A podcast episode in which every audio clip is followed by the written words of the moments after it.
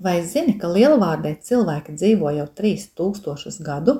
Ir vairākas versijas par lielvārdes nosaukumu rašanos. Indriķa hronikā latīņu valodā lietots vārds lenevarde. Domājams, ka lībieši, kas toreiz apdzīvoja tagadējo lielvārdes teritoriju, lietoja vārdu, kas tuvs Indriķa saklausītajam. Kādā lībiešu vācu valodas vārdnīcā atrodams lin nocietinājums pils par apslēpt, paslēpt.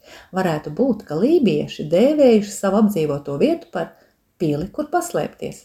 Bet kādā Zviedrijā izdotajā grāmatā var atrast uz vikingu laika Eiropas kartes Ziemeļjūras krasta tūmā vārdu Leuvarden ar paskaidrojumu, ka tajā vietā ir pilsēta ar jauniem nocietinājumiem.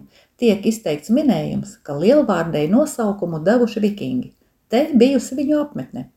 Īsti skaidrs gan ir viens – vācu un krievu varas ir lietojušas tikai vārdu lenevarden. 19. gadsimta atmodas kustības darbinieki runā par lielvārdi. Tātad paralēli oficiālajam nosaukumam tautā eksistējis arī latviskais vārds.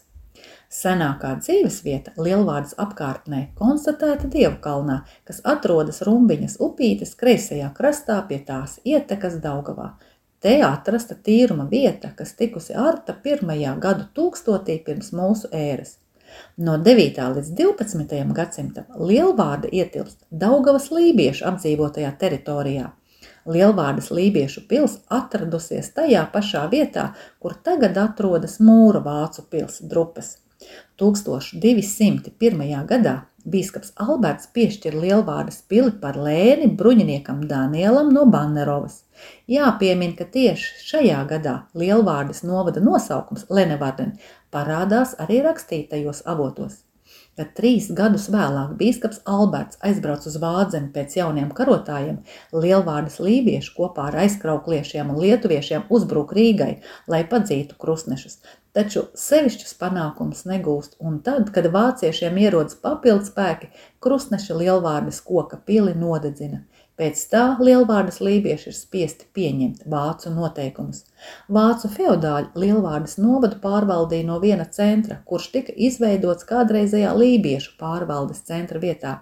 Nav īsti zināms, kad tieši uzsākta Lielvārdas mūra pils celtniecība, kā arī, kad izveidojās Lielvārdas muiža – jo 1557. gadā Livonijas kara laikā Kokneses pilī sadeg arhibīskapijas dokumenti. Tādēļ pilnīgi attainot Lielvārdas novada vēsturi nav iespējams. Livonijas kara laikā tiek nopostīta arī Lielvārdas pils. Pils novads nonāk Lietuvas polijas pakļautībā. Pils mūra drupu tuvumā uzceļ jaunas kungu ēkas, pieaug klaušas un nodevas, Daudz posta lielvārdiešiem nodarīja arī biežie kari, kas laiku pa laikam piemeklēja Latviju. Nebija tāda lielāka mēroga kara, kas netika skāris lielvārdiešus, jo viņi dzīvoja pie svarīga un sena karaceļa, kas gar Daugavas labo krastu veda uz zemes lielāko pilsētu Rīgu. Kad lielvārdi līdz ar pārējo vidzemi nonāk zem Zviedrijas karaļa virsvaras, senais lielvārdes pilsnovads līdz ar muižām tiek atdots Rīgas naudas kaltuves pārzenim Heinriham Vulfam, kas vēlāk tiek uzņemts mužniecības kārtā ar pavārdu Wolfenšilds.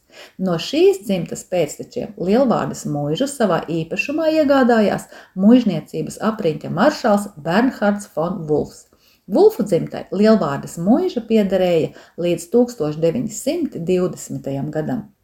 17. gadsimta beigās Lielvārdē bija izveidota samērā plaša muižas saimniecība. Te darbojās arī skola latviešu bērniem, kurā līdz pat 19. gadsimta pirmajai pusē bērnus apmācīja vācu tautības skolotāji, galvenokārt kaķismā un lasīšanā.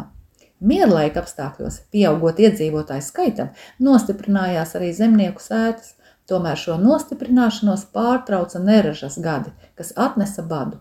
1700. gadā zemnieki vēl nebija pilnīgi atapušies no bada posta, kad jau iesākās ziemeļu karš, taču daudz smagākus upurus prasīja lielais mēris, kad pēc aptuveniem aprēķiniem lielvādē izmira apmēram 70% iedzīvotāju. Lielu postu lielvādai atnes arī Pirmais pasaules karš. Daugavas labais krasts pārvērtās par stipru Krievu armijas nocietinājuma līniju. Frontes līnija te pastāvēja divus gadus, 1917. gadā cara armija atkāpās, ko nebija paspējusi sagraut vācu artilērija, to krievu karavīri nopostīja atkāpjoties.